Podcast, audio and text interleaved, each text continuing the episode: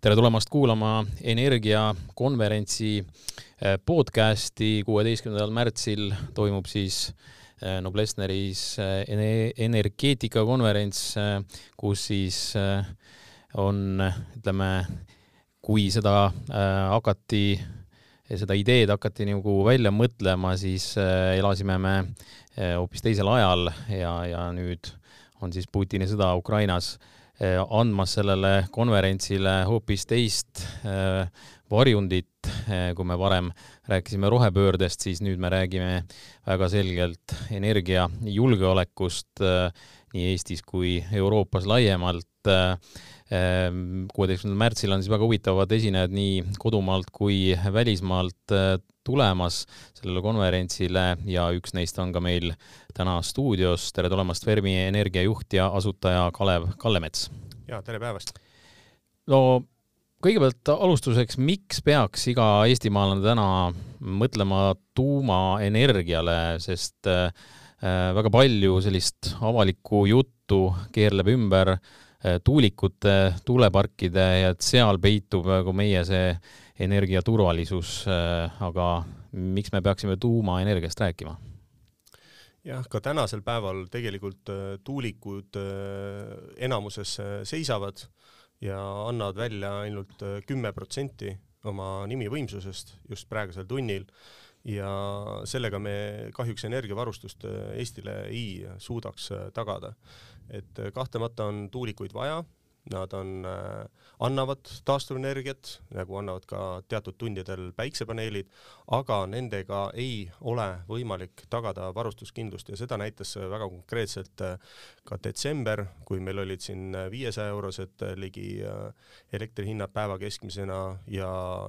ja jaanuar ja veebruar, kui ongi objektiivne reaalsus, kui vaadata ilmauudiseid, et kui on külmad ilmad, kõrge õhkkond, siis ju tuul ei puhu ja noh, nagu teada, jaanuaris-veebruaris meil eriti päikest ka ei paista. nii et äh, meil, olles Põhjamaa rahvas nagu Soome, Rootsi, Kanada, meil on vaja energiat just siis, kui on küttehooaeg. Äh, meil ja me peame dekarboniseerima ka enda transpordi ja kütte, mida me täna kasutame veel suures mahus äh, maagaasi. see tuleb viia üle elektri peale ja seetõttu on meil vaja elektri tootmist äh, nii kodudele, riigile, ühiskonnale tervikuna kõikide ilmadega, kõikidel tundidel suure kindlusega ja mõistlike hindadega. ja see on see, mis on Soomes-Rootsis kenasti töötanud ja, ja Eesti on äh, haritud, eesrindlik maa, kus me oleme paljude keeruliste asjadega hakkama saanud ja ma arvan, et väikereaktorite kasutuselevõtt on ka see, mida me, mida me peame hakkama saama nojah, kui Soome poole vaadata, siis, siis tõesti on seal näha väga kenasti see, kui lai võrreldes Eesti, Läti ja Leeduga on nende see portfell, just erinevad äh, kohad, kust äh, see elektrienergia tuleb, et tuumaenergia on seal, on seal kenasti sees, nii et, et selles mõttes tõepoolest kui me neist eeskuju võtta tahame ja, ja siiani oleme me väga tahtnud, et siis, siis tõepoolest peame me erinevaid võimekusi välja arendama. kui kaugel Fermi Energia oma plaanidega täna on? Me alustasime, otsustasime ettevõtte moodustada kaks tuhat üheksateist äh, alguses, sest äh, oli selge, et äh, poliitikud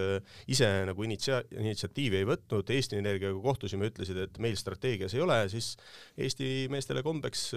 inimestele kombeks me otsustasime, et tuleb ise teha. ja ole, täna tagantjärgi vaadates tegime väga õige otsuse ja me oleme suutnud teha üle viiekümne erineva uuringu äh, meie Soome, Rootsi ja Belgia ja, ja teiste rahvusvaheliste partneritega koostöös, esitanud neid avalikult enda kolmel konverentsil ja, ja ka riigile, riik on moodustanud äh, vastava tuumaenergia töörühma ja me väga loodame, et selle aasta septembris valitsusele esitatav äh, vaheraport võimaldab edasi liikuda selleks, et äh, kas kakskümmend kolm lõpus äh, võtta vastu Riigikogu poolt teadlik otsus tuumaenergia võimekuse väljaarendamiseks, mille järgselt meie plaan on võttes aluseks Kanadasse rajatav meile sobiv väikereaktor, olla suuteline kahekümne kaheksandaks aastaks riigi poolt välja valitud asukohas ja äh, pädevale asutusele, regulaatorile esitada ehitusloa taotlus selleks, et kahekümne üheksandal aastal alustada ehitust ja kolmekümne esimesel aastal jõuda kolmekümne esimese aasta lõpuks elektri tootmiseni. no kuivõrd praegu kindel on kogu see tehnoloogia, et, et kui me räägime siin ikkagi tegelikult ju, ju veel mitmest-mitmest aastast, et, et kas see noh, kõik see, kogu see maailm liigub edasi, eks ole, et, et, et selle aja jooksul, kui, kui siin neid erinevaid otsuseid vastu võetakse, et siis, siis kindlasti eh, kogu see maailm veel jõuab muutuda, et, et või mida me sealt Kanada poolt praegu siis näeme täpsemalt? Et äh, Kanada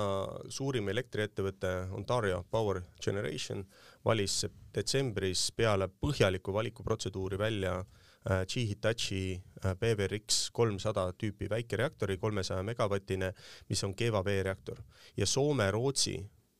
peamine tööhobune, peamine reaktori tüüp ongi Keva veereaktor. Neid on maailmas kaheksakümmend seitse tükki. Nende käidukogemus on eeskujulik ja kasumlik ja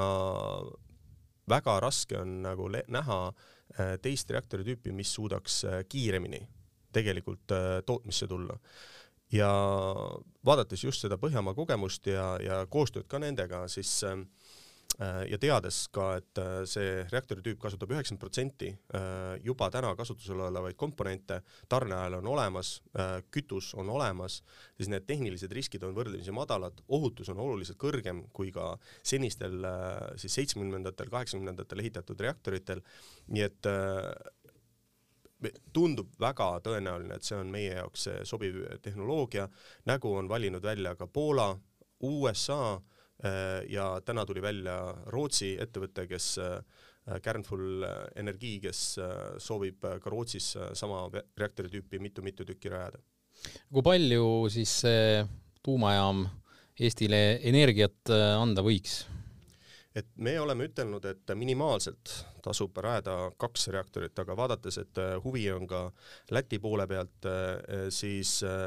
vaadates me Balti turg, eriti peale seda, kui me kaks tuhat kakskümmend viis äh, äh, ühendame ennast lahti äh, Kirde-Vene elektrisüsteemist. Baltikum on üks turg, mille täna maht on kolmkümmend teravatt-tundi, tulevikus pigem nelikümmend, siis baaskoormuse vajadus on äh, vähemalt äh, veerand sellest tarbimisest, et kindlasti tuuleenergia võiks anda viisteist teravatt-tundi, päikseenergia viis teravatt-tundi, kümme võib-olla saame importida, aga kümme me peame tootma nagu baaskoormusena ikka ise ja nii et see kümme on asi, mida me tahaksime toota, mis tähendab neli reaktorit mm. -hmm. no äh selles Läti, Läti teemat te mainisite, et, et mis, milline huvi siis seal on, et hiljuti käisite seal mingit kokkulepet sõlmimas või, või, või mis, milline see huvi seal on? jah, me kohtusime asepeaminister Artis Pabriksiga, kes äh, selgelt äh, pooldab seda, et, äh, et Läti teeks koostööd Eestis väikereaktori rajamisel ja kohtume ka teiste inimestega. ja huvi tõesti on, sest ka neil on eesmärk saavutada energiajulgeolek täna nad kasutavad väga suures mahus äh, elektrienergia tootmises äh, maagaasi. ja maagaas esiteks on väga kallis ja teiseks täna Lätis kasutatud maagaas on valdavalt äh, Venemaalt imporditud ja eelmisel nädalal Euroopa Nõukogu võttis vastu väga põhimõttelise otsuse, et kahe tuhande kahekümne seitsmendaks aastaks saavutada energiakandjate impordi lõpetamine Vene Föderatsioonist seoses nende agressiivse äh, sõjaga Ukraina vastu ja noh, üldiselt äh, täiesti vastuvõetamatu välispoliitikaga. nii et äh, sellega ja selle otsusega kindlasti kaasneb see, et maagaas saab olema veelgi kallim, LNG siis, ja, ja vähem konkurentsivõimelisem. ja kui soovitada saavutada samal ajal dekarboniseerimist, siis paraku maagaas on fossiilkütus, millega kaasneb suur CO2 heide nii et meil on vaja äh, Baltikumi tervikuna uusi tootmisvõimsusi, mis on ilmakindlad aga samal ajal süsinikheitmevabad, nii et see valikud ei ole väga suured, sest hüdroenergia meil on Taugava jõel, Nemunase jõel, aga need on väga piiratud, nad annavad äh, ikkagi hüdroenergiat siis, kui on suur sademete periood või lumesulamisperiood, aga nad ei anna läbi, aasta läbi. no üks asi on see äh, noh, Euroopa ärkamine, mis on nüüd toimunud siin äh, selle Ukrainas toimuva sõja tõttu ja, ja, ja tõesti väga palju nüüd räägitakse sellest ja reaalselt on, ka nüüd astutamas samme selles suunas, et Venemaast ennast lahti tõmmata. kas see võiks tähendada mingit noh, niisugust laiemat koostööd noh, mitte ainult siin Baltikumis, vaid, vaid, vaid üle-euroopaliselt, et, et noh, nii rahastuse osas kui ka, kui ka üldse selliste huvide osas, et et saadaksegi kokku ja otsustatakse, et, et me hakkame toetama ja investeerima sellistesse projektidesse, on siin ka võimalus sellele Eesti tuumajaamale mis on reaalselt toimumas, on, et jaanuaris juba Euroopa Komisjon esitas jätkusuutliku rahastuse taksonoomia äh, rakendusakti äh, ettepaneku, milles oli väga kindlatel tingimustel lubatav äh, jätkusuutlikuks siis määratletud ka maagaasist elektri tootmine juhul, kui eriheide on kaks korda väiksem, kui on tänastel jaamadel, kus, mis tähendab, et peab olema süsinikheite püüdmine või suurel määral biogaasi kasutamine. sellised väga pikk piirav nõue ja kuni kahe tuhande kolmekümne viiendani. aga siis tuumaenergia puhul oli nõue, et kaks tuhat viiskümmend peab olema äh, kasutatud tuumkütuse lõpp, hoidla rajatud, äh, opereeritav ja peab olema kasutatud äh, äh avariikindlat kütust. Ja me, seal on muud veel tehnilised nõuded, meie saame aru, et me suudame need äh, tehnilised nõuded Eestis täita ja seetõttu äh, rahastusväljavaated äh, on, on selle läbi positiivsed, meil ei ole vaja teie täiendavaid mingisuguseid otsuseid Euroopa Liidu poole pealt, kuid meil on väga hea meel koostööd teha meie Poola partneritega, Rootsi partneritega, Belgiast, Rootsi Vattenfall AB, Euroopa suur teine elektrienergia tootja, äh, on äh, meie osanik ja, ja me näeme, et nad, nende osalus pigem suureneb. No Soom-, Soomest oli nüüd öö, uudis, noh, see oli juba teada tegelikult, et ega nad seda äh, salajas ei hoidnud seda, aga, aga nüüd siis äh, siia sellesse pilti väga hästi läheb ka nende see Olkiluoto kolmas äh, tuumajaam, äh, mida sellest arvata? Äh, noh, sellise sõnumina kahtlemata tugev, aga muidugi seda valmistati ka ette päris pikalt, et, et, et, et millist tehnoloogiat seal on kasutatud ja? see on seal surveveereaktor, tuhande kuuesaja megavatine, tõesti väga suur äh, rajatis äh,, tõesti ehitati viisteist aastat äh, ja aga tema tootmise omahind on seal kuskil suurusjärk viiskümmend eurot megavatt-tund ja kui täna turuhind on sada nelikümmend Soomes äh, ja Eestis siin sada seitsekümmend, siis ta on kahtlemata on, on ilmne, et ta on äh, kasumlik sellise, sellises turukeskkonnas et äh, ja veelgi enam, täna ta on tootmises äh, kolmesaja megavatiga, äh, mai alguses on täis nimivõimsus tuhat kuussada, ta võimaldab Soomel tegelikult lõpetada kivisöest elektri tootmine, sada protsenti kivisütt Soome täna impordib Vene Föderatsioonist lõpetada sellega võimalikult kiiresti ja äh, kahekümne seitsmendaks aastaks lõpetada ka äh, elektrienergia import Vene Föderatsioonist, mida need impordivad äh, tuhat nelisada megavatti näiteks tänasel päeval. nii et see võimaldab neil tõepoolest seda energia iseseisvust saavutada ja, ja neil on vaja ka uued tuumajaamad rajada, et Fennovoimas, mitte siis Vene tehnoloogiaga, aga, aga pigem Ameerika või, või Korea tehnoloogiaga mm. -hmm. no üks asi on see nii-öelda globaalne vaade või üle-euroopaline vaade, et tõesti äh, väga palju nüüd mõeldakse sellele, kuidas äh, Venemaa mm, energiast äh, eemale hoida, aga teine on see siseriiklik vaade, et teie arvates peaks ikkagi selline selgelt nii-öelda päevapoliitika ülene ja, ja parteide ülene selline kokkulepe sündima väga kiiresti, ehk et, et tõesti oleks investoritel kindlus, et Eesti eh, liigub eh, selle just nimelt energiasõltumatuse poole ja et siin saab neid investeeringuid teha, et mida, mida me peame siin siseriiklikult siis ette võtma? tõepoolest, ma leian, et eh, ka selle nõukogu otsuse valguses tuleks Eestis selgelt võtta vastu teatud programm, riiklik programm, kuidas äh, nii eramajade kui ka kaugküttes saavutada maagaasi kasutamise lõpetamine elektrifitseerimise või biokütuse kasutamise kaudu ja teiseks transport, mis meil on kõige suurem ikkagi sõltuvus äh, äh bensiinist ja naftast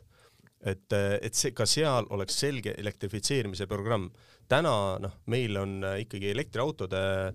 läbimüük on mingi nadi kolm koma kaks protsenti, nagu me oleksime mingisugune Ida-Euroopa kõige vaesem arengumaa. tegelik skp per capita meil on kõrgem äh, ostujõu pariteedipõhiselt kui Hispaanias ja, ja noh, kui Saksamaal, mis on äh, sisepõlemismootorite kodumaa, on äh,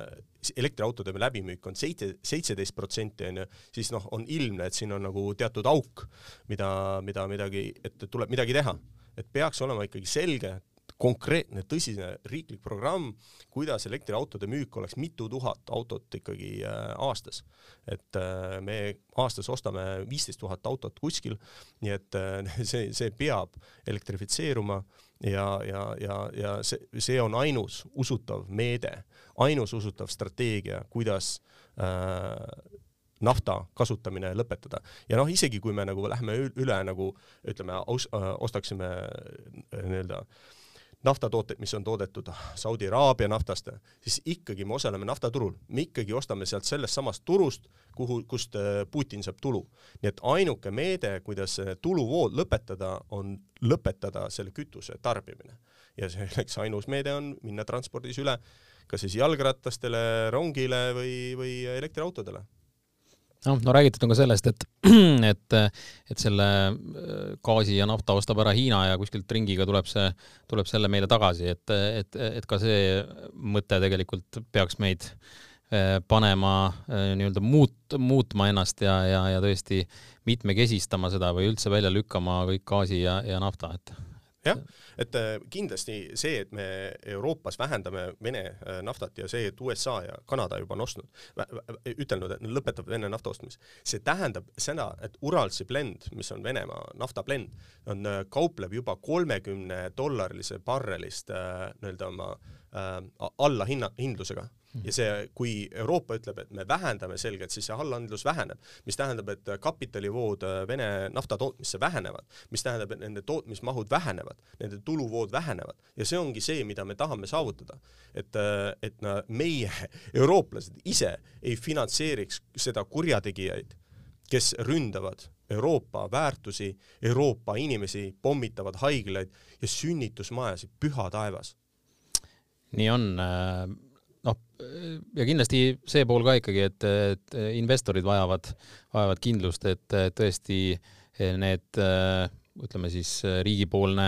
mõtteviis ei muutu valimiste järgselt, et tõesti tehakse mingisugune selline kokkulepe, mis pädeb ka aastal kaks tuhat kolmkümmend ja sealt edasi, et, et selles mõttes see on ka tähtis, et, et me selle suuna väga konkreetselt võtaksime. jah teatud riiklikud otsused on vajalikud, aga meie oleme ka selgelt riigile ütelnud, et kui riik elektriturgu täielikult ära ei solgi, et, et üleliia palju ei subsideeri nagu äh, taastuvenergiat, on, on okei okay,, kui teatud määral subsideeritakse. aga kui üleliia ära turu, elektriturgu ei solgita, siis meie tootmistoetust ei vaja. sest äh, me toodame hoopis teisel ajal kui tuuleenergia. ja see, kui tuuleenergia toodab kuskil kaks tuhat viissada, kolm tuhat tundi aastas, siis jääb ikkagi üle äh, viis tuhat, äh, viis tuhat seitsesada tundi aastas, millal nad lihtsalt ei tooda või noh, toodavad äh, noh, võib-olla kolmandik nimivõimsusest. jälle mingit erilist turumõju ei ole. nii et see periood on, oleme meie alati turul ja,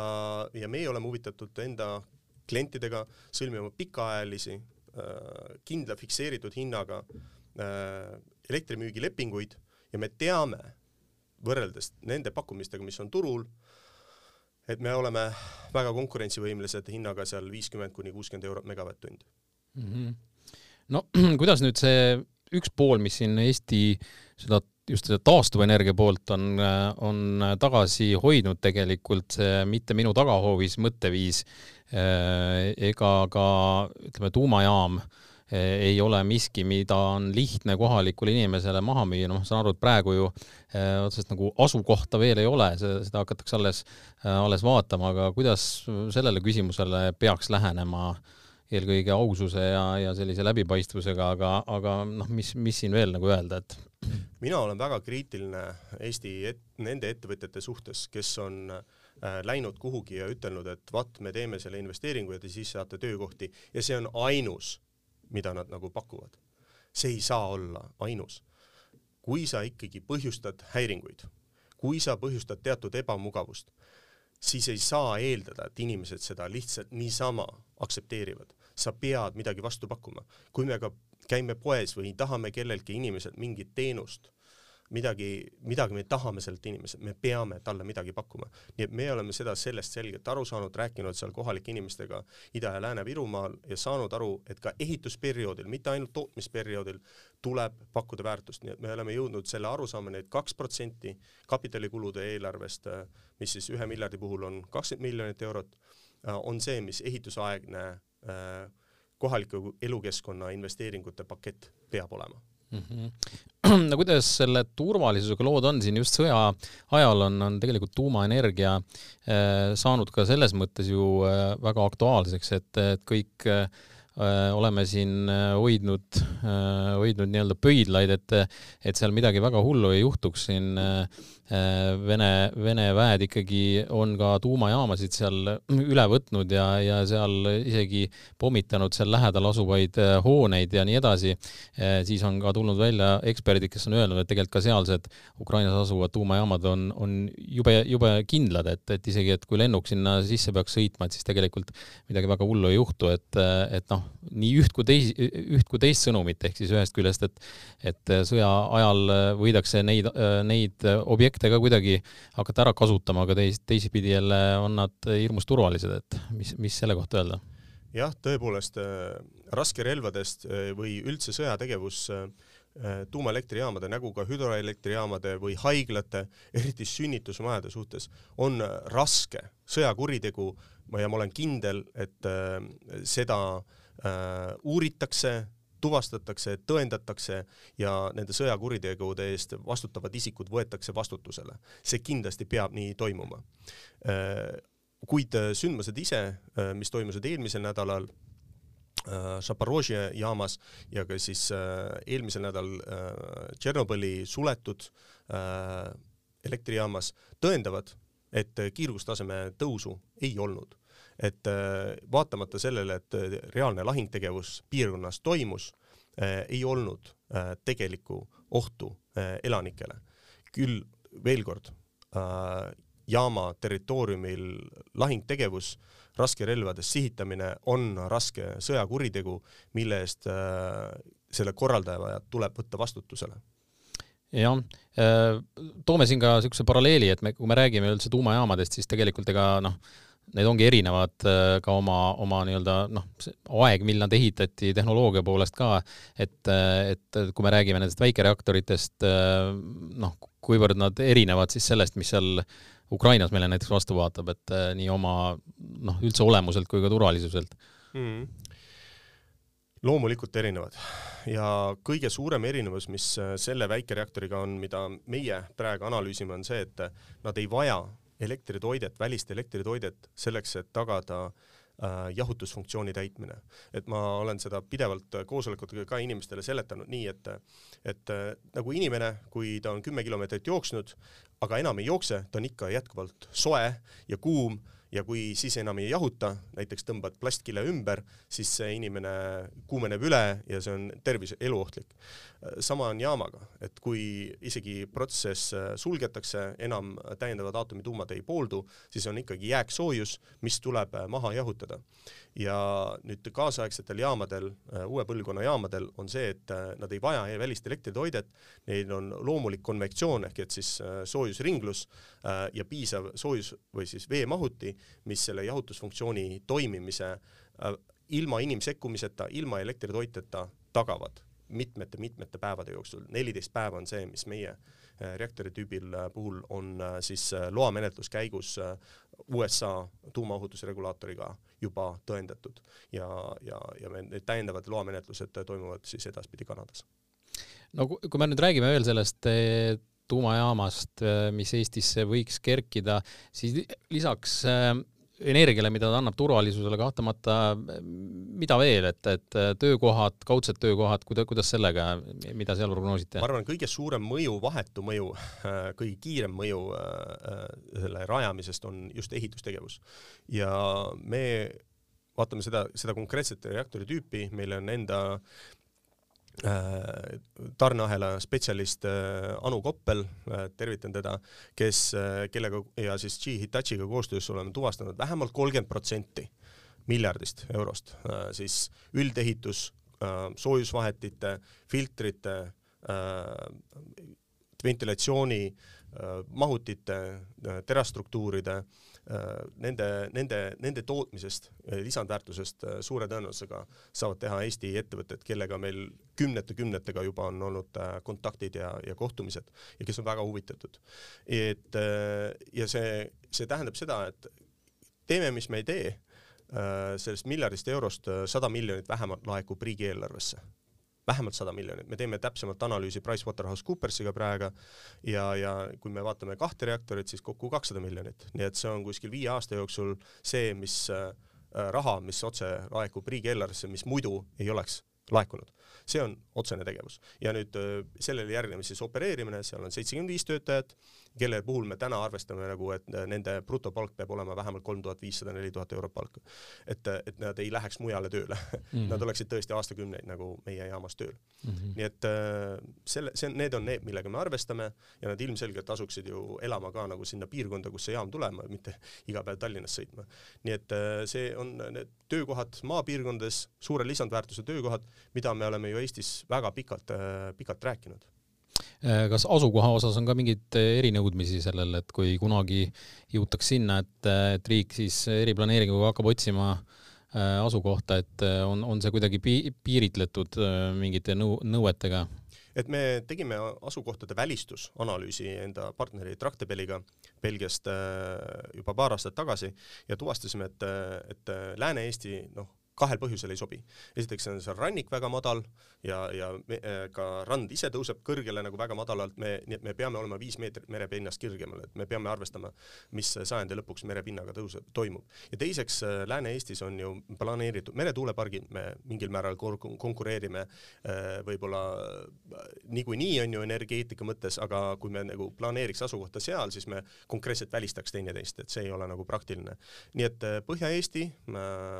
ja, ja pigem Virumaa, Lääne- ja Ida-Virumaa, et äh, me oleme seal tuvastanud alad, kus ei ole looduskaitsealad, kus ei ole Lahemaa rahvuspark, kus ei ole maastikukaitsealad ja kus on piisavalt äh, jahet-, jahutusvett, sest ka nagu Narva jaam, mis täna toimuvad äh, Narva jõe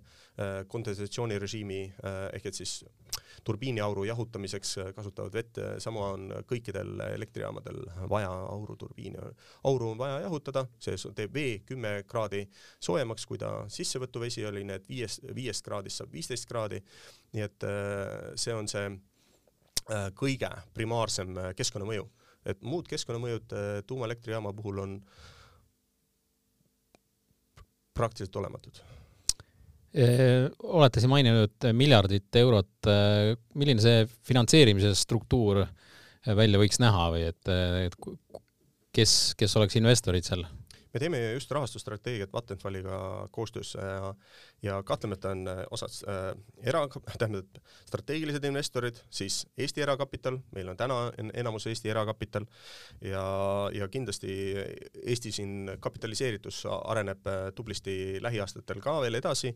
ja, ja nii et ühe reaktori kohta, et kuskil nelisada miljonit äh, eurot on omakapitali vaja või viissada miljonit ja siis umbes pool on laenukapital. Ja, ja väga eriline nagu laenukapitali vorm on äh, ekspordikrediteering, eriti selles valdkonnas Olkiluoto kolmas reaktor rajatigi äh, kuuskümmend protsenti ekspordikrediteeringuga, sest seal on väga suured komponendid, turbiin, generaator, surveanum ja, ja muud komponendid, mida, mida, mille ekspordist on need päritoluriigid reaalselt huvitatud ja siis nad aitavad selle eksporti rahastada. nii et me teeme seda detailset strateegiat praegu, meil on, me oleme väga tänulikud endale tuhande kolmesajale Eesti erakapitalist investorile ja ma usume, et meil äh, lähiaastatel saab olema veel tuhandeid ja tuhandeid äh, osanikke Eestis. no käime nüüd lõpetuseks veel kord üle need järgmised sammud, mis, mis tegelikult siin podcasti alguses ka kõlasid, aga, aga rõhutame need veel üle, et millised on need järgmised, ütleme, olulised tärminid, mida teie ootate ja, ja, ja millega te ise ka praegu tegelete? Töötame praegu umbes viieteistkümne erineva uuringuga jälle nende eri- ja, ja strateegia ja plaani koostamisega. ESG plaan, mehi-, litsenseerimisplaan, täp-, detailne mehitusplaan, projekt, programm, ehitusprogramm ja, ja muud, et ähm, need me saame äh, valmis äh, mai-juuni, esitame riigile, vahearuanne esitatakse valitsusele eeldatavasti septembris. Äh, peale seda siis järgneb lõppraporti koostamine, mille alusel on siis riigil võimalik otsustada. kui riik otsustab ei, Äh, et mingi muu äh, meile veel selline tundmatu energialiigiga on võimalik Eesti energiavarustust taskukohaselt elanikele äh, rahuldada kahe tuhande kolmekümnendaks aastaks, siis me soovime jõudu ja, ja meil on õnneks alternatiiv B ka olemas, et kus, kus riigis edasi tegutseda, kui, kui Eesti riik ütleb, et on mingisugused energiaallikad olemas, millest keegi veel teadlik ei ole. kas seda B-varianti välja saab öelda või ei saa? Me enne teeme, allkirjastame dokumendid ära, äh, ütleme juriidiliselt äh, siduvad dokumendid, äh, meil on teatud dokumendid juba allkirjastatud, aga siis saab avaldada. ahaa, ja no selle salapäraga me selle podcast'iga lõpetame siin, aitäh Kalev Kalemets osalemast, aitäh ka kuulajatele, kel on huvi, siis tulge kuueteistkümnendal märtsil kuulama ja kaasa mõtlema energiakonverentsile, kõike paremat, olge mõnusad aitäh!